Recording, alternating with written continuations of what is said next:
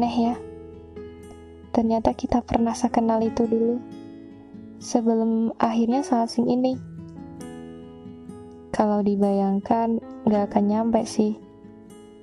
Ya gak nyangka aja gitu. Gak nyangka bahwa saya terlalu bersenang-senang kemarin-kemarin. Tanpa memikirkan bagaimana kalau nantinya hari ini bisa terjadi. Gak pernah berpikir kalau semuanya pasti akan berubah. Saya terlalu egois waktu itu. Kadang setiap saya teringat akan memori-memori yang pernah ada, saya sering berpikir, kok bisa sih? Bisa-bisanya semuanya bisa seperti ini gitu loh. Cerita-cerita yang biasanya saya tulis dengan sangat lancar, di suatu momen saya harus berhenti menulis karena saya kehilangan beberapa paragrafnya. Kemudian cerita itu dibiarkan kosong tanpa tulisan. Beberapa dari tokoh-tokoh yang pernah ada di cerita saya benar-benar menghilang. Iya, saya bahkan nggak tahu lagi keberadaannya sekarang.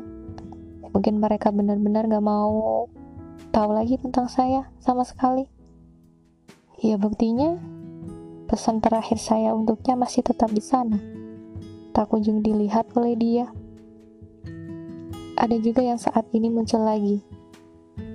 Tokoh yang beberapa tahun lamanya menjadi favorit saya, yang butuh beberapa tahun lamanya juga, yang mengharuskan saya buat menghapus dia dari ingatan. Tiba-tiba dia datang di kehidupan saya lagi. Bukan untuk menjadi tokoh seperti dulu lagi, karena cerita itu udah digantikan Lalu ada yang sampai saat ini masih bisa saya lihat. Walaupun hanya melihat dia di dunia maya, tapi seenggaknya saya bisa mastiin bahwa dia selalu baik-baik saja. Gak apa-apa, mungkin ini adalah jalan yang dia mau, jalan yang terbaik buat dia. Satu hal yang perlu diketahui bahwa saya gak benar-benar menutup diri saya. Bahkan sampai saat ini, saya masih berharap dapat pesan dari dia. Meski isi pesannya tidak seperti dulu lagi. Harusnya minggu ini podcast saya diisi dengan judul yang berbeda. Saya sudah janjian sama teman saya. Udah nyiapin materi. Tinggal ngobrol aja. Tapi tiba-tiba dia susah dihubungi. Nggak apa-apa sih. Saya sudah biasa kok seperti ini. Harus menerima kenyataan yang tidak sesuai dengan ekspektasi. Meskipun semuanya telah dipersiapkan dengan mata tapi ya sudahlah. Pasti kalau jodoh dia juga bakal ngabarin lagi. Buat kalian yang tiba-tiba dapat pesan dari saya entah itu pesan semangat pesan kangen pesan konyol dan tiba-tiba calling tanpa sebab itu artinya kalian berarti buat saya bahwa kalian pernah membuat cerita saya begitu indah kalau boleh jujur saya gak mau kehilangan kalian Aneh ya. Lebay ya pasti. Gak apa-apa. Gak sedikit juga kok yang bilang kayak gitu. Mungkin saya hanya bisa menunjukkan kepedulian saya dengan hal seperti itu. Bahwa setidaknya kalau kontak saya masih disimpan.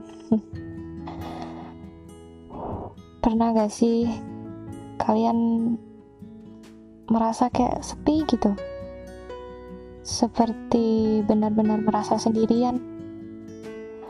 Sosial media yang satu-satunya menjadi hiburan tapi saat ini hiburan saya juga menghilang.